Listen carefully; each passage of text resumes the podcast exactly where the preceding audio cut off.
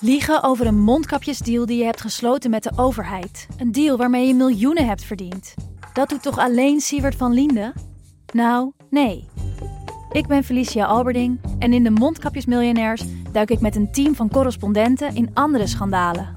Want wist je dat Siewert helemaal niet uniek is? Luister de Mondkapjesmiljonairs in je Podimo-app. Of ga naar podimo.nl slash mondkapjes. En probeer Podimo 30 dagen. podimo.nl slash mondkapjes. In de podcast Radio Romano met Noortje Veldhuizen Met Marcel van Roosmalen. En met Roelof de Vries.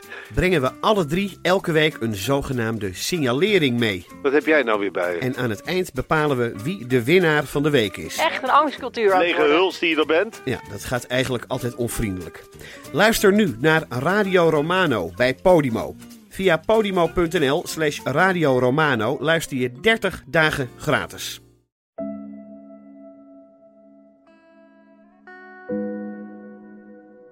Hallo, vanaf de redactie van de Groene Amsterdammer is dit uw wekelijkse podcast. Ik ben Kees van der Bos.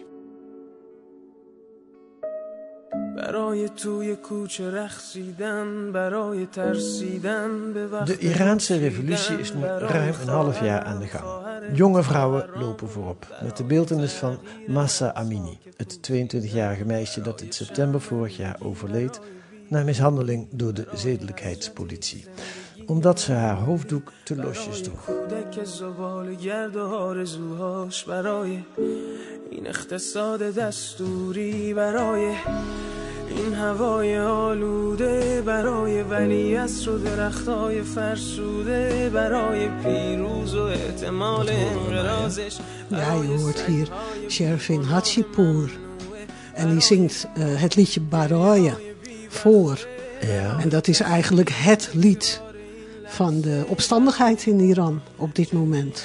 En kun je het ook een beetje vertalen? Wat, voor, wat zegt hij Nou ja, het, het mooie aan het liedje en waarom het zo ontroerend is, is dat het heel ver weg is van de, het marcheren en het. eh, ze moeten er allemaal aan. Het is, het is een liedje voor van alles. Het is een liedje voor eh, de, de mensen die willen dansen in de straat. Het is een liedje voor eh, de meisjes die geen hoofddoek willen dragen. Het is een liedje voor dat ene katachtige diertje wat eh, niet uitgestorven mag worden. Het is een liedje voor de door de, door de luchtvervuiling aangetaste bomen in de Valiasserstraat. Het is een hele opsomming van allemaal dingen waar je voor kan zijn. Ja. En waarom is het het lied van de revolutie? Ja, het is eh, omarmd door, door iedereen die demonstreerde. En ik denk ook omdat het zo ontzettend voor van alles is. Dat is ook een beetje een kenmerk van, van wat sommige mensen nu al een revolutie noemen. Dat het eigenlijk heel ver weg is van wat sommigen zich herinnerden uit de jaren zeventig. Dat, eh, dat hele staccato strijdbare van wat toen vooral links was en soms ook, zeker in Iran, islamistisch. Het is heel erg een lied voor een heel breed soort vrijheid. En daar kan iedereen zich in vinden. Ja, daar gaan we het allemaal nog over hebben. U hoorde journaliste en schrijfster Maria Vuijsje. En naast haar zit socioloog Farhad Goderdi. Spreek ik dat goed uit, Farhad? Perfect. Fijn. Programmamaker sociaal-culturele ontwikkelingen en diversiteit en actief bij Utopia. Eh, wat is dat, Farhad? Utopia? Dat is een eh, tijdschrift of webmagazine. Die, die denkt een beetje cross-cultural eh, zeg maar, issues. En ook geeft aandacht aan Midden-Oosten. Dus het ging Ja. over de Ja. vluchtelingen die ooit naar Nederland zijn gekomen uit het Midden-Oosten.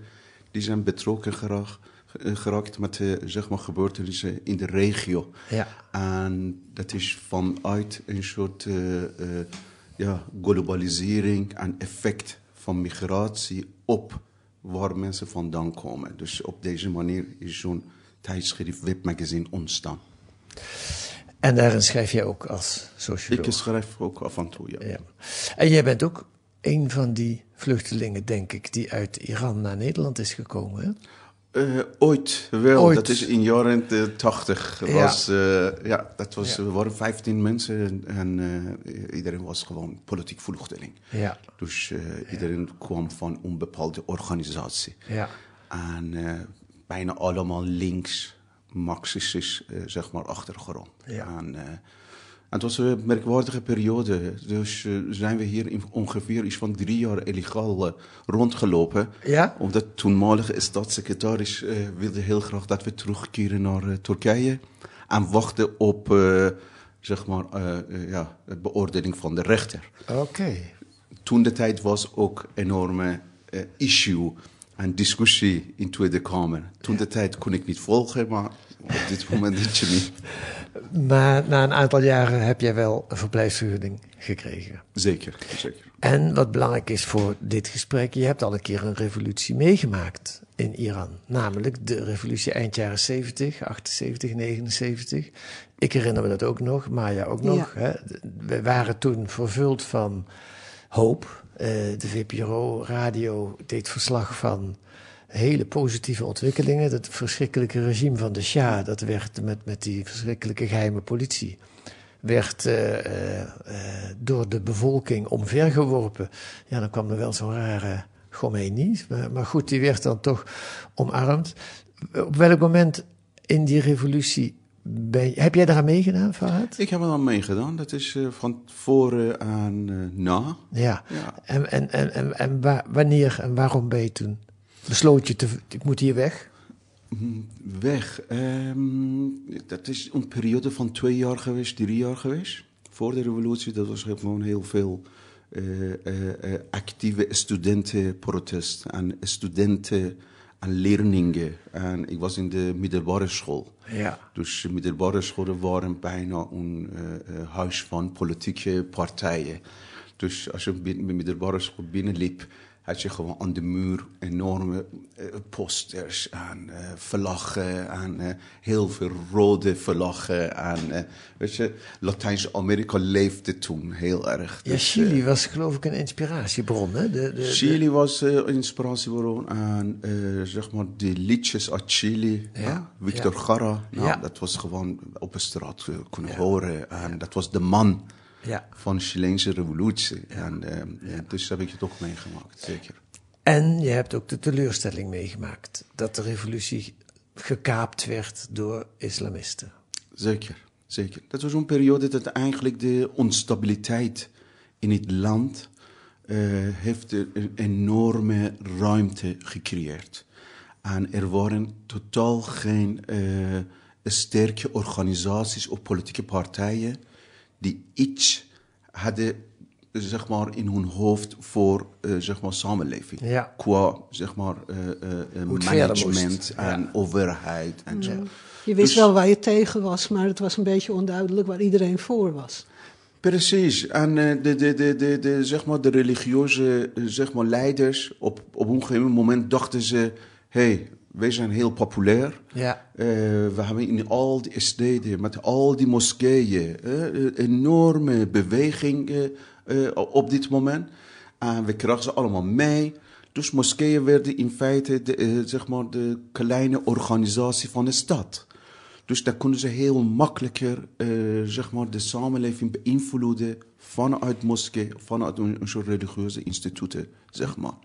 En totdat het in feite een grote groep van liberale en linkse groepen uh, wilde helemaal niet meewerken met de wording van nieuwe staat. En omdat uh, iedereen uh, is, zogenaamd ging stemmen, dat was vrije verkiezingen. En dat was te korte tijd om bevolking zich kan realiseren waar het over gaat. En toen wonnen de islamisten. En islamisten vonden heel snel op basis van onbepaalde zeg maar, uh, zeg maar, kreten ja. van, zeg maar, over de toekomst. Ja. Uh, inkomsten van olie wordt verspreid en scholen worden gratis. En iedereen krijgt eten, iedereen krijgt gratis woning, iedereen hoeft niet uh, betalen voor je energie. En al die zaken, ze worden één lijn, zeg maar, kreten die op een moment heeft gewoon impact gehad ja.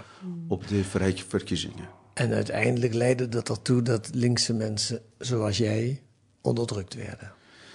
Dat heeft een aantal jaren, dat noemen wij zwarte bladzijden. En dat was gewoon, even tot de dag vandaag herinner me heel goed. Ja. Dat het gewoon grote gewieren op de straat heerste.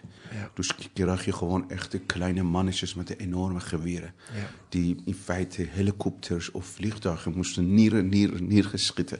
Maar ja, goed, werd het tegenover de demonstranten gebruikt. Dus dan krijg je enorme heftige bloed en eh weet je, eh, narigheid op de straat.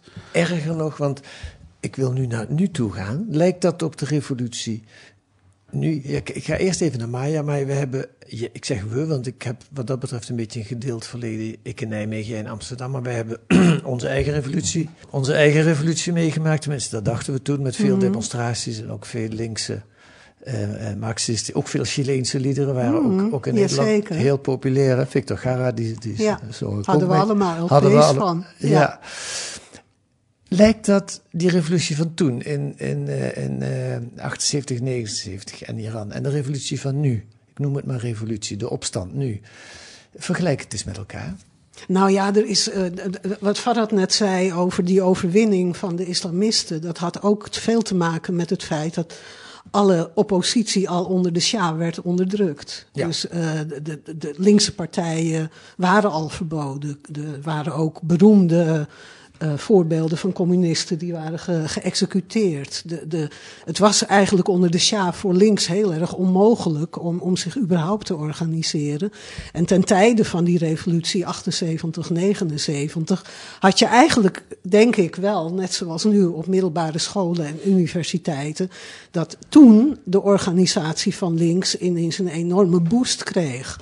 En ehm, dat, dat- vind ik ook wel een groot verschil. Want wat er toen gebeurde, was een beetje wat, wat ook in Nederland gebeurde. Want in Nederland werden ook heel veel jongens en meisjes van onze leeftijd lid van allerlei eh, marxistische partijen. Van de communistische partij, allerlei Maoïstische partijen kwamen op. Iets soortgelijks gebeurde eh, rond de jaren zeventig in Iran.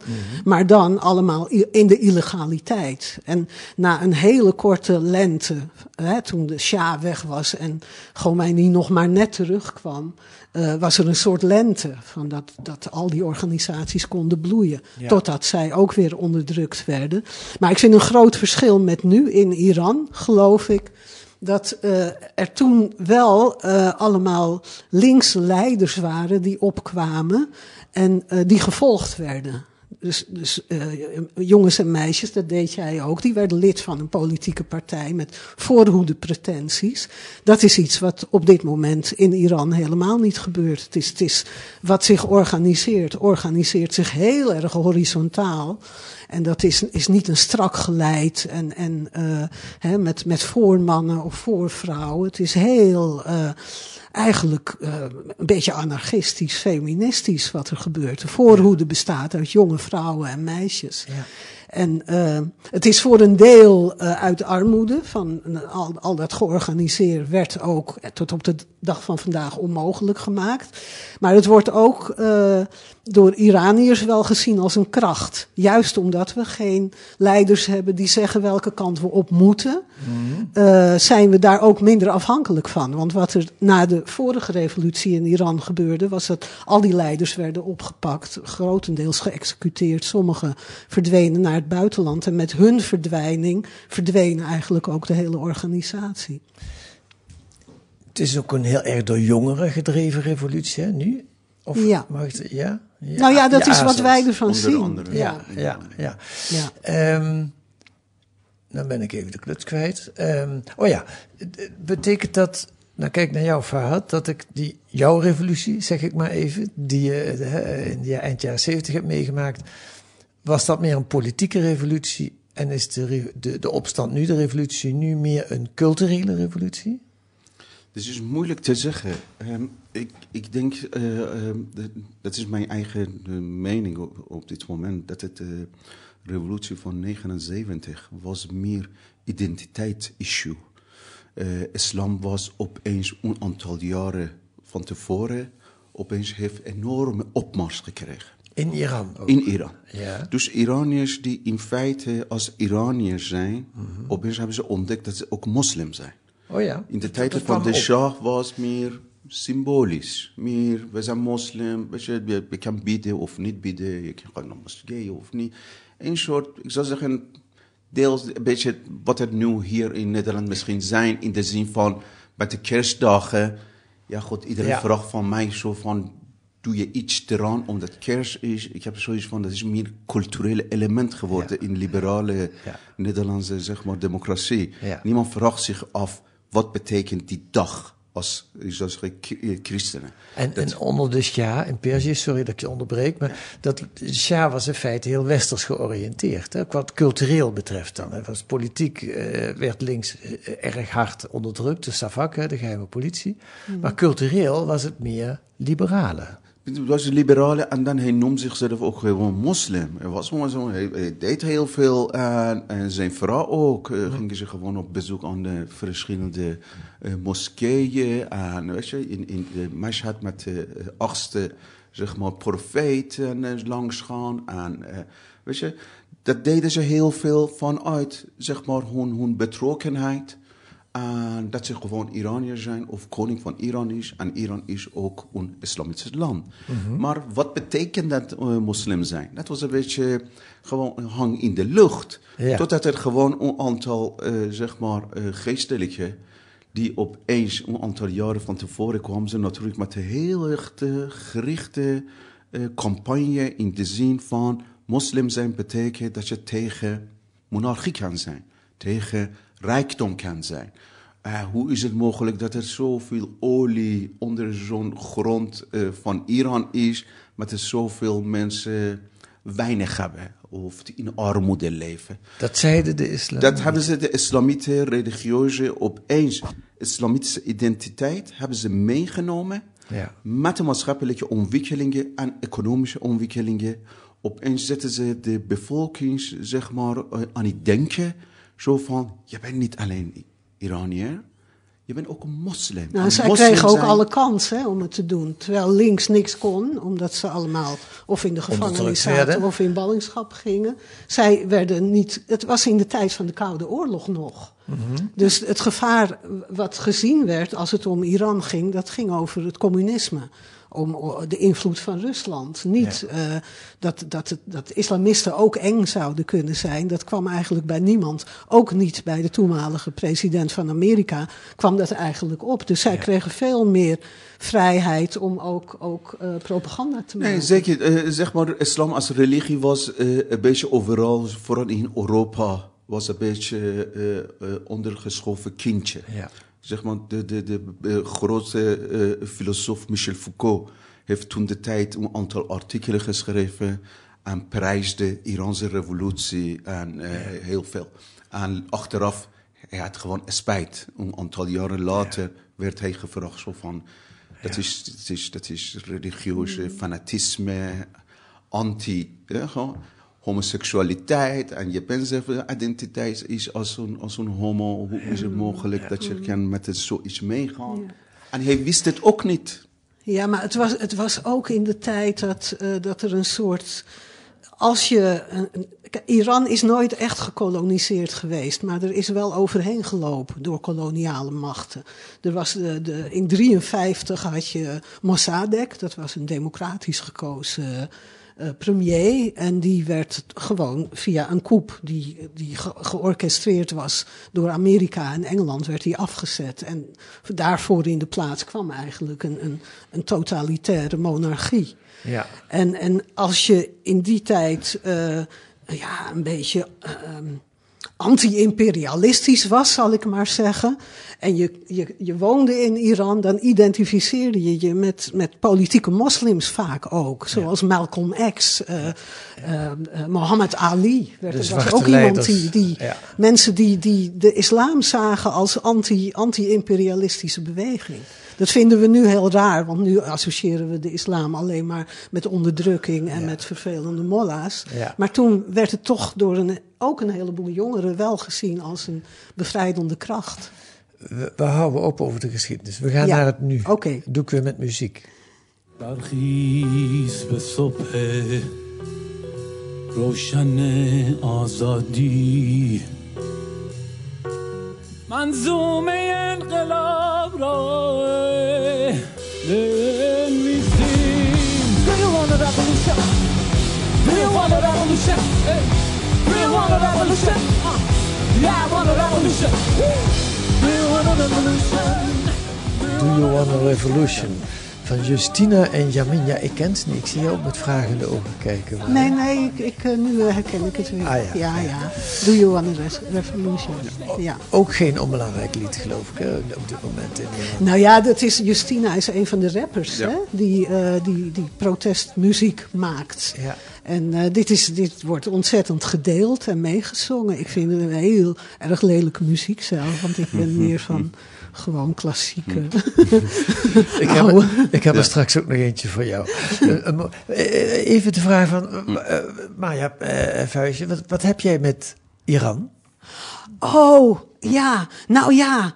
Bij mij begon het ook inderdaad bij die rev- vorige revolutie, 879. Ik herinner me, ik wa- was toen een links feministisch meisje. En eh, dat wij eigenlijk ons het hoofdje braken over wat het nou eigenlijk voor revolutie was. Dus Ja. het hele idee van revolutie sprak ons toen enorm aan. Want we wilden geloof ik toen overal wel een of andere revolutie.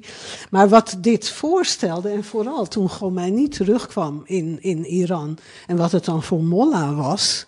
Of dat nou een soort bisschop Tutu was die allemaal aardige dingen wilde Dat met we in het Iran. begin ook nog? Dat Ja. dachten we in het begin. Ja. Echt, of althans, misschien wilden we dat wel Ja. geloven. Dus bij mij is die fascinatie toen wel een beetje gekweekt. Maar bij mij is, de, is dat ik me met Iran zelf ging bezighouden eigenlijk ingegeven doordat ik Iraanse vrienden kreeg. Dus types zoals Farhad, die naar, naar Nederland waren gevlucht en die met hun verhalen hier kwamen. En ik was toen al journalist, dus ik interviewde nog wel eens iemand over wat er aan de hand was in Iran. En in de loop van de tijd ja, je hebt altijd met identiteit dat die gevormd wordt door allemaal mensen die je kent, hè, vind ik. Dus niet alleen maar door het nest waar je uitkomt, maar ook door de vrienden die je krijgt. En ik, ik geloof dat mijn identiteit in de loop van de jaren ook wel een beetje is gevormd door de Iraniërs die ik ken en hun geschiedenis. Ja, je hebt ook, je hebt ook boeken erover geschreven. Ja. Het, het rijbewijs van Nematollah. Ja, Eh, volgend jaar in Teheran. Is Ja, net, eh, net dat is uit. mijn laatste boek, Dat is je ja. laatste boek. ja. En je spreekt ook een beetje Farsi. ja een beetje. Ja. Ja, ja, ja, een beetje. Ik, bedoel, ik spreek helemaal geen Farsi. Zo makkelijk is dat niet. me. Nee, het is niet zo makkelijk. Maar het, het is. Het, ja. Nee, maar ik, ik, ik vind in het Farsi heel moeilijk om genuanceerd te praten. Dus ik kan wel een beetje beleefde dingen. En ik, kan ook, ik heb ook wel mensen geïnterviewd in, in Iran, maar die waren heel geduldig met mij. Ja. Want je, je spreek, ik spreek natuurlijk als een zesjarig kind, ongeveer. Nou, in, in het Nederlands valt dat enorm maar, en je bent dus afgelopen zes, zeven, acht, negen, tien jaar heel veel. Ja, ik ben de afgelopen tien jaar regelmatig in Iran geweest. Ja. Ja. En Een beetje verliefd geworden op Ja. het land? Nou ja, ik weet eigenlijk, ja, het is natuurlijk een prachtig land. Het is heel mooi. Je hebt heel veel mooie landschappen en heel veel mooie architectuur, oud, oude architectuur en een enorme rijkdom aan, aan oude en nieuwe literatuur en poëzie. En daar ben ik, ja, gaandeweg wel opgevallen. Het begon er eigenlijk mee dat ik voor mijn boek Het rijbewijs van Nematollah wel naar Iran moest, vond ik. Ik, ik ben namelijk helemaal niet avontuurlijk. Ik ben helemaal niet iemand die naar, naar vreemde landen of naar dictaturen wil uit, uit een soort van nieuwsgierigheid of dat ik dat allemaal zo graag wil. Maar ik viel op het verhaal wat ik wilde vertellen en voor dat verhaal, dat is eigenlijk een familiegeschiedenis uit Iran, waar een heleboel moderne geschiedenis uit uh, achter vandaan kwam. Uh, moest ik wel naar Iran, omdat ik plekken wilde bezoeken waar de familie had gewoond, de graven van de ouders. Ook een paar mensen wilde interviewen die niet waren weggegaan. Want dat is heel kenmerkend voor Iran, dat bijna iedereen wel familie heeft die weggevlucht is uh, om politieke redenen of ook uh, andere redenen. Ja. Gewoon per, dat persoonlijke vrijheid willen ja. is een, ook een belangrijk motief ja. om weg te gaan. Ik, ik, neem aan dat jij ook nog familie hebt gehad in Iran? Of ja, ja, ja, ja, ik heb een aantal familie, nog ja. steeds. Ja. ja. En, en, en, en, en, jullie volgen allebei op jullie eigen manier heel intensief de, wat er nu in Iran gebeurt? Ja, denk Jawel. ik wel, ja. Wij spreken best veel. Ja. En maak je ook uh, af en toe een klein beetje ruzie. ja. Onze mening verschillen. nou, vertel eens over zo'n ruzie. Ja. Waar... Tussenom? Nederlands? Over, over Iran hebben we niet zo heel veel Kom heel Nederlands af en toe Ja, over de links zijn en Oh, eh, ja. de religieuze identiteit. Ja, ik denk En- dat Farhad nog iets meer dan ik. Hij heeft afscheid genomen van het linkse gedachtegoed. Ja. Dat is wel waar, ja. Jij bent moderner. Je bent Europese. Dus, Oh eh, ja, ja, ja. Europeanen houden van links zijn. Ja, misschien ja. wel, ja. Ja, jij hebt ook veel harder eh, de teleurstelling gevoeld van een linkse revolutie die mislukt is. Of die... Ja, maar het was er geen linkse revolutie, maar dat was gewoon een linkse, eh, zeg maar, eh, eh, gedachtegoed. Die heel erg internationaal zeg, was gebaseerd. Ja. Dus, dus China was belangrijk, Rusland was belangrijk, Latijns-Amerika was gewoon heel erg belangrijk. Dus Nee, dat snap ik. Wij deelden als het ware, zoals we hier aan tafel zitten, Ja. een gedachtegoed. Maar wij delen niet jouw ervaring dat je denkt dat het goed gaat met je land en dat je dan keihard, ja, wat gebeurt er, teleurgesteld raakt in elk geval. ja, zeker. eh, het- eh, eh, kijk eens, dat is bijna 43 jaar is voorbij. Ja. En in 43 jaar is heel weinig is gedaan. Dus voor uh, progressieven, natuurlijk is het belangrijk dat uh, vrijheid van meningsuiting, de overheid die zichzelf gaat openstellen, vrij verkiezing gaat uitschrijven, of economie uh, kan helpen. En, uh, Allemaal dingen die in Iran nu helemaal niet aan Helemaal zijn. niet. En ook zeldzaam iets gedaan. Ja. Dus achteraf, dat hebben ze alleen eigen zakken Ja. vervoeld. Ja. En dat, het is een beetje, kijk, uh, uh, autoritaire regimes hebben verschillende vormen. Mhm. En Iraanse vorm is, uh, Irakese vorm, zelfs Afghaanse vorm. Je kan het niet tekenen. Het is moeilijk wie is wie. Wie doet, doet wat. Dat is familiair en dat is tijdelijke, zeg maar, kameradenschap. En u bent belangrijk voor mij, omdat waarschijnlijk u kan bepaalde eh, contracten binnenhalen. Dus u krijgt een gedeelte van nationale inkomen. Of u krijgt een gebied van, van het land Ja. voor inkomsten. Dus Iran heeft een enorme grensgebied met eh, ongeveer zes, zeven landen, als ik het niet vergis. En al die gebied en grenzen zijn verdeeld onder heel ge- hoge functionaris van revolutionaire garde. En ze bewaken de grens, maar die grens is enorm belangrijk voor de enorme zwarte inkomen die binnenloopt. ja. En op deze manier, als je gaat tekenen, dan is het een soort octopusachtige tekening met de tientallen, zeg maar, armen. En je kan de kern niet zo goed zien. Wie is de machtigste man Ja. of vrouw? Maar nu komt het gekke, vind ik, als je naar deze, wat er nu kijkt, en gebeurt wat er nu in Iran, als je daarnaar kijkt, er zijn geen, voor mij in elk geval als buitenstaander, maar jullie moeten me maar verbeteren als ik het verkeerd zie, er zijn geen duidelijke politieke leiders die, die zeggen, dit moet er gebeuren, dat moet er gebeuren. Nee. Het is een soort, ja, ik, daarom zei ik net cultureel verzet, het is een soort volksopstand van wij willen vrijheid. Wij willen Ja, gewoon- dat is een deel, maar er, er is ontzettend veel eh, onvrede in, in, in Iran op al, talloze manieren. De- dus je, de- wat bij ons het meeste in het oog springt en ook het meeste aanspreekt, dat is dat die, die beweging van vrouw, leven, vrijheid. Ja. Hè? Saan, eh, Zendegi Azadi.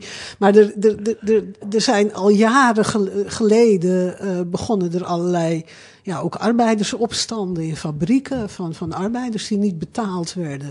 Die zijn niet noodzakelijkerwijs meteen ook enthousiast in de benen te krijgen voor meisjes en jongens die willen dansen bij de poort van, de vrijheid.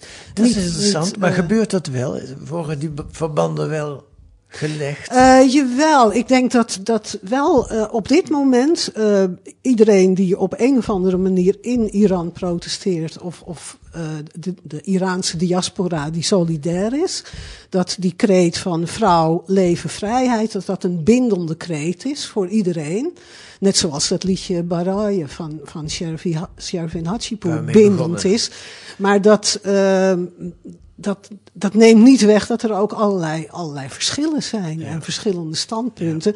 Maar het is waar wat je zegt. Het is niet zo dat er in Iran duidelijke politieke organisaties zijn die zeggen we moeten die kant op en we moeten ongeveer dit of dat doen.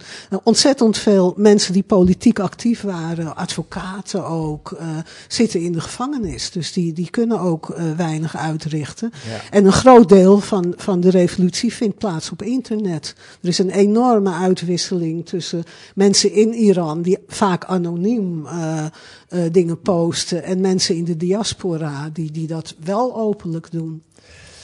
En er is ook, ook onder jongeren, is juist omdat die vorige revolutie is uitgelopen in een nieuwe dictatuur, mm-hmm. is er juist onder jongeren ook een ongelooflijk wantrouwen tegen, tegen alles wat links is. Soms hebben ze linkse ouders, of ouders die in de tijd links waren. En, en die verwijten ze ook van, van die revolutie waar jullie aan mee hebben gedaan. Moet je kijken waar het op is uitgelopen. Ja, ja, ja.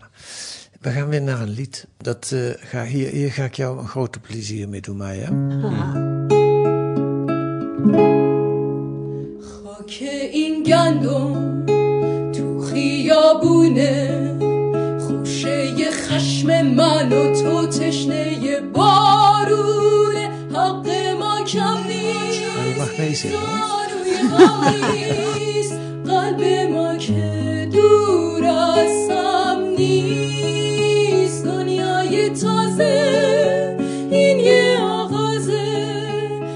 Bella Ciao. Ja.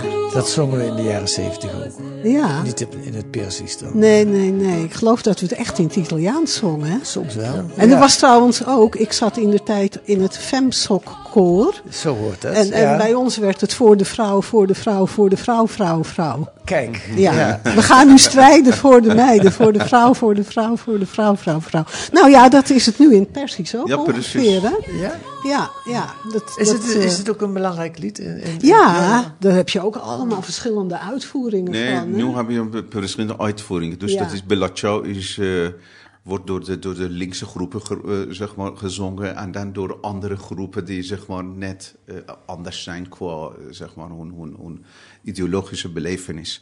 Dus dan heb je op dit moment verschillende soorten. En je merkt het van de muziek en de toon die gezet wordt. Ah, je merkt het gewoon, daar is bereik voor, uh, ja. uh, zeg maar, uh, softe, ja. zo'n liberale Ja, soms klinkt het heel, heel, heel lief en soms ja. wordt het Heftig. echt Koerdisch, vooral in Koerdistan wordt er echt bij gemarcheerd en nog net niet geschoten, geloof ik. maar ja. Wat ik, wat ik nog moet vertellen, had ik eigenlijk in het begin moeten vertellen. Waarom we het hier over hebben, is omdat jullie in De Groene deze week een artikel hebben geschreven. waarin je vooral ook over de cultuur van de revolutie in Iran op dit moment ingaat. Hè? Um, we, ik moet, we gaan alweer afronden. Um, aan jullie allebei de vraag: wat, wat, wat, wat ja, de, je kunt natuurlijk niet in de toekomst kijken, maar uh, Farhad, ik begin met jou. Heb jij hoop? Wordt dit, gaat dit beter dan, een, dan jouw revolutie? Zeker wordt het beter dan de, Kijk. dan de revolutie. Waarom? Of, uh, kijk eens, uh, op dit moment de samenleving zit totaal in een soort moeilijke periode. Dus alle lagen van de bevolking en verschillende groepen. Zelfs de, de, zeg maar, niet alleen arbeiders, mensen met een enorm hoge inkomen, en jongeren en studenten. Niemand is tevreden. Dus die ontevredenheid, dat is net als olievlek, die verspreidt zich uh, uh, in een enorme tempo. Ja. En de overheid totaal heeft geen antwoord, want het heeft nooit met zoiets meegemaakt. Dat heeft in verschillende... Kijk, die islamische garde uh, heeft iets van rode, zeg maar, leger van Rusland. In de zin dat je zegt, we zijn revolutionaire garde. We hebben gevochten ooit. Hoe kan hij ons beschuldigen van corruptie en, en, en uh, vermoorden van mensen? Dus de revolutionaire garde gaat zichzelf elke keer baseren op de tijden van oorlog met Irak. Hm. Zo van, wij hebben het gedaan. Wij hebben het verdedigd. Wij hebben het geleden. Wij hebben het gewoon enorme doden, zeg maar, onder ons is gevallen. Dus dat cliché, precies net als Rusland, is op dit moment is gevallen. Dus die cliché van, wij waren toen, hebben we huh, bescherming worden van de samenleving. Op dit moment zijn ze in feite. Ze, ze, ze schieten de jonge mensen op de straat neer. Het masker is Die afgerukt. masker is af. De angst is, is ook gevallen als een masker. Dus men is niet meer bang om te zich te uiten en op een manier de eisen stellen. En een van de eisen op dit moment is vrij verkiezingen. Omdat er is geen politieke partijen niet. Ja. Er zijn geen eh, grote figuren niet. Als, er, er zijn meer eh, een soort politieke influencers, zeg maar, door de eh, nieuwe media en sociale media die naar voren zijn gebracht. Maar heeft het kans? Ik bedoel, het wordt keihard onderdrukt. Eh, gaat die onderdrukking stand houden? onderdruk, of de overheid moet zich eh, eh, een, keertje zeg maar, buigen naar eh, zeg maar, bevolking toe in de zin van ik ga het veranderen. Ik ga andere zeg maar, president en andere verkiezingen organiseren. Ik ga het anders doen. Dus niemand gelooft dat. Dat is bijna onmogelijk. Ja. Dat is, het land is, zit in de greep van echte enorme corruptie. Iedereen, Sommige mensen verdienen enorm veel geld en dat willen ze niet eh, verliezen. Dus dan hebben te maken met die corrupte zeg maar, vorm van regime te maken. Het enige is dat het bevolking langzamerhand wordt eh, volwassener. Er komen nieuwe geluiden naar buiten, nieuwe eh, gezichten, nieuwe namen. En eh, de- dus die nieuw vanuit binnenuit, vanaf de samenleving zelf, zich aan het eh, manifesteren. En die overheid pakt af en toe die figuren af en toe van arbeiders, van leraren, van studenten. Maar langzamerhand, die figuren zijn, hebben een naam tegenwoordig. En je kan ze niet allemaal laten verdwijnen in, zo snel. Dus Iran, met de naam van meneer Khamenei, wil iets van islam laten blijven. Ja? Hij noemt elke keer, dat is de eh, eh, humanisme zit bij zijn islam. Ja? We zijn voor mensen, voor gezondheid, voor, voor goede leven. Maar in feite, dat is helemaal niet zo is. Het is voorbij, die woorden. Het moet alleen nog feitelijk vorm krijgen. Dat zal, zeg jij. En ik zie hoop als je daarover spreekt. En Maya, eh, hoe kijk jij daarnaar? Ik weet het niet. Ik, ik ben altijd, de, al vanaf september, vanaf dat die opstandigheid eh, zich voordeed en het soms heel heftig werd, word ik helemaal heen en weer geslingerd tussen hoop en angst voor eh, al die repressie die er ook is. Het is wel duidelijk dat, dat wat je een culturele revolutie zou kunnen noemen, dat die al begon voor vorig jaar september en dat die ook doorgaat. De, dat, dat horen we allebei hè, van, van mensen in Iran. Dat vrouwen daar gewoon veel steviger op hun beentjes eh, staan dan ze daarvoor al stonden. Want vrouwen waren veel sterker dan wij vaak denken in het Westen. Maar ik weet het niet. Ik, ik denk dat, dat voorlopig die repressie en die greep van de revolutionaire garde groter is dan, dan het overwinnen van de angst bij de bevolking. En ik heb eigenlijk, ik, wat ik heel erg hoop, is dat bij groepen van de revolutionaire garde en die enorme hoeveelheid vrijwilligers die ook meedoen met de repressie, dat daar iets gaat kantelen. Die hebben ook allemaal zusjes en nichtjes en ooms die ontslagen zijn en neven die. eh, en en dat hoop ik heel erg. En ik denk ook dat dat no- nodig is om die revolutie te laten slagen. Dat delen van het repressieapparaat niet meer, niet meer loyaal zijn aan het bewind. Zodat we weer kunnen zeggen, tot volgend jaar In Teheran. Teheran. Ja. Dat Ja. is een, een, een, een, een- een- Ik ga jullie iets vragen. Dankjewel. Dit is, eh, voor de eh, mensen die dit luisteren, lees dat artikel. Da- daar vertellen ze allerlei dingen die ze nu niet hier verteld hebben, maar over de, de cultuur eh, van die revolutie die er gaande is in eh, Iran. We hebben nu drie muziekstukken eh, gehoord, deels gehoord. Ik wil er eentje laten horen aan het eind van deze podcast. Jullie mogen kiezen welke. Oh, wat vind jij het leukst? Ik ga voor Baroje. Ah, we gaan toch voor Baroje. Ja. Is- en dan helemaal. Dat, dat ja. is, Ja, dat dan is- helemaal. Dat is het lied van revolutie. Ja. moment. En die eindigt ook hè, met Zaan, eh Zendegi Azadi. Zendegi Met, met vrouw, leven, vrijheid. Zanzen de Yosef. Dan gaan we die na de nu komende afkondiging helemaal eh, eh, horen. Dank jullie wel voor dit gesprek. Dank jou.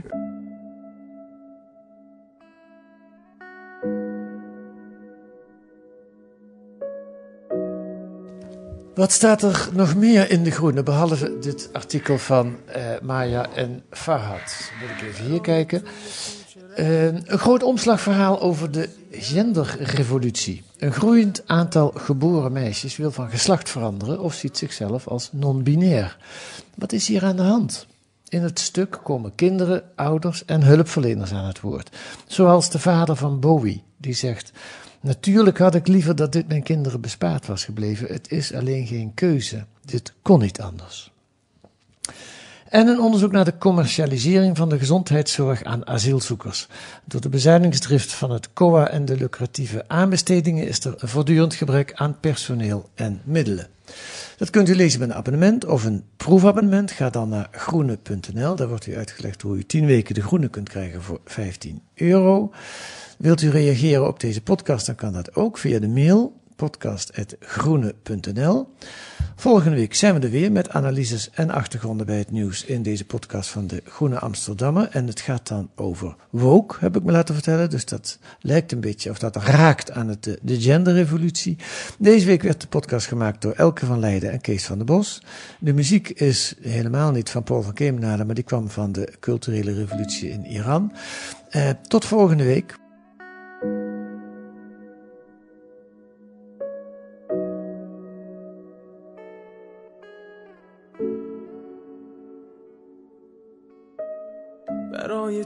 کوچه رخصیدن برای ترسیدن به وقت بوسیدن برای خواهرم خواهرت خواهرامون برای تغییر مغزها که پوسیدن برای شرمندگی برای بیپولی برای حسرت یک زندگی معمولی برای کودک زبال گرد و آرزوهاش برای این اقتصاد دستوری برای این هوای آلوده برای ولی و درختای فرسوده برای پیروز و احتمال انقرازش برای سگهای بیگناه ممنوعه برای گریه های بیوقفه برای تصویر تکرار این لحظه برای چهره ای که میخنده برای دانش آموزا برای هاینده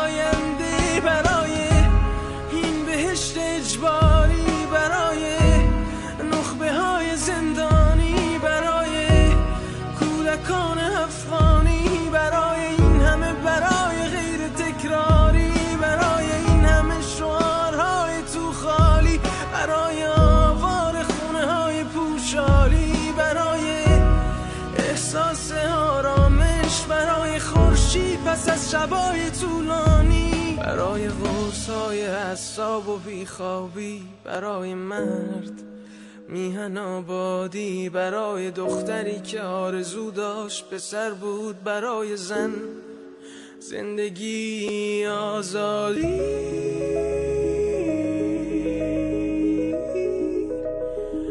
برای آزادی.